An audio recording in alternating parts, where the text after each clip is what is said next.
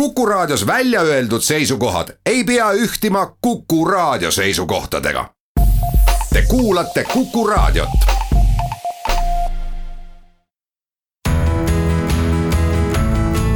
kuku Raadio nädala kommentaar. tere, mina olen Kivisildnik ja ma üritan teil intersektsionalismi õpetuse valguses rahvusvahelise naistepäeva tuure maha võtta muidugi on tore, et meil on naistepäev, et meil on naispresident ja et me kardetavasti saame endale ka Soorose kõlbuliku naispeaministri. ent progressiivne maailmavaade ei ole nii lihtne, kui esialgu paistab.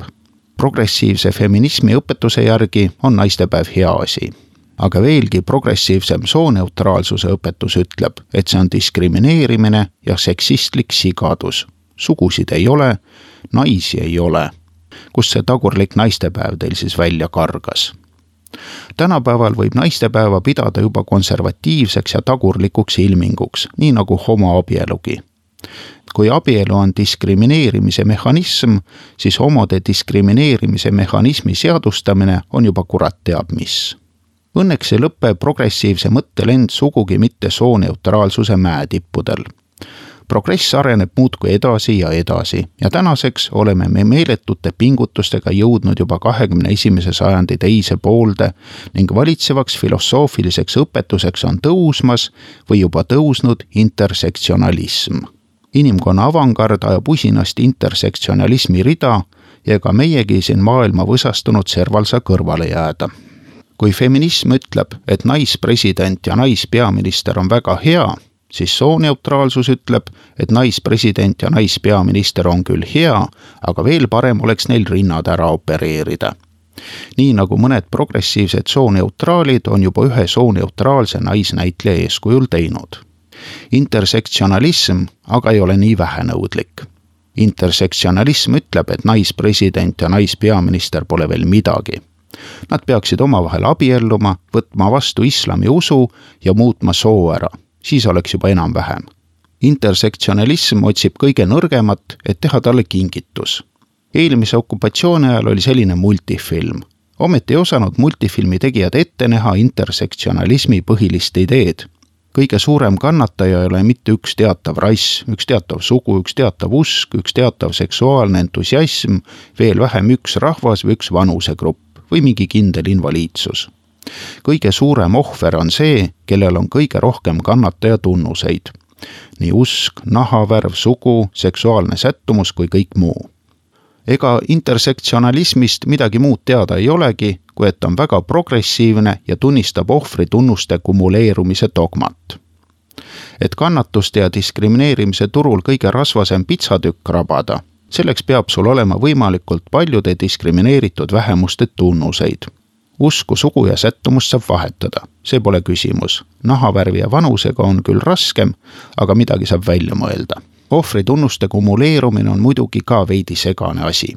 ühelt poolt on selge, et islami usku sadomasohhistlik mustanahaline naiskodanik on intersektsionalismi hierarhias kõrgemal kui lihtne sadomasohhistist mustanahaline või suvaline islamistist sadomasohhist lihtsa matemaatikaga siin midagi ära ei tee üks pluss üks on intersektsionalismi maailmas umbes kuus.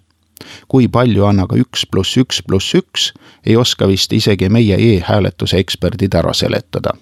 samas oleks vaja selgust, sest kuidas sa siis inimese tööle võtad või töölt lahti lased, kui pole selge, kes on rohkem kannatanud, kas puujalaga transgender budist või nihilistist Somaalia vegan kuidagi tuleb sotsiaaltoetusi jagada, kuidagi tuleb kultuurimeistreid tunnustada, kuskile tuleb poliitika kallutada ja kellelegi tuleb anda eriõigused ja nomenklatuursed ametikohad. aga selgust ei ole. kriitikud vinguvad, et intersektsionalismil pole selget definitsiooni ega mõõdetavaid näitajaid. ühesõnaga, see on mingi soga. alustame sellest, et paneme akadeemilistest urgastest välja imbunud uus ja puukeelse nimega sogasele nähtusele selge ja arusaadava eesti nime. ma pakun välja lühendamismeetodit. siis ei saa keegi öelda, et on mingi pahatahtlik suhtumine või õel omalooming. lühendame intersektsionalismi ära, eemaldame interi, mis on iseloomutaja, käib saja asja juurde ja sektsiooni, mis on rohkem mööbel kui filosoofia. järgi jääb kõige iseloomulikum ja eristuvam nalism. Ühesõnaga, tegu on nalismiga. nalism on suurepärane teil termin. nalism kõlab eestikeelselt ja nii nagu Hämar Ollus isegi, viitab naljale, huumorile või klounaadile. ehk mäletate groteskset episoodi Kurt Vonneguti kultusromaanist kus jutustaja ei suutnud inimesi meelde jätta ja tundis ära ainult ühe tegelase, kellegi ühe käega kääbusest albiino. Naliste võib kirjeldada kui empaatiapuudega isikuid või kaastunde gurmaane, kellele tavadiskrimineeritute kannatused korda ei lähe. Neil on vaja kangemat kraami. eks ta ole, kõigil sõltlastel lähevad annused lõpuks väga suureks. nalism ei saagi olla väga loogiline, süsteemne ega praktiline vasakakadeemiline seltskond pole üldjuhul millekski ratsionaalseks võimeline. tulemuseks on ikka loosungid, agitatsioon, utopistlik, utopistlik soigumine, nagu ka kinnismõtteline ja sektantlik püha tõe kuulutamine elust ja esialgsetest eesmärkidest irdunud vasakideoloogia on muutunud monstrumiks ja kimääriks. nalism on kõige puhtakujulisem kimäär, lõvipea, maosaba ja kitsekere vahel ka kitsepea ja lohetiivad. üldse, mida koletislikum, seda kimäärim.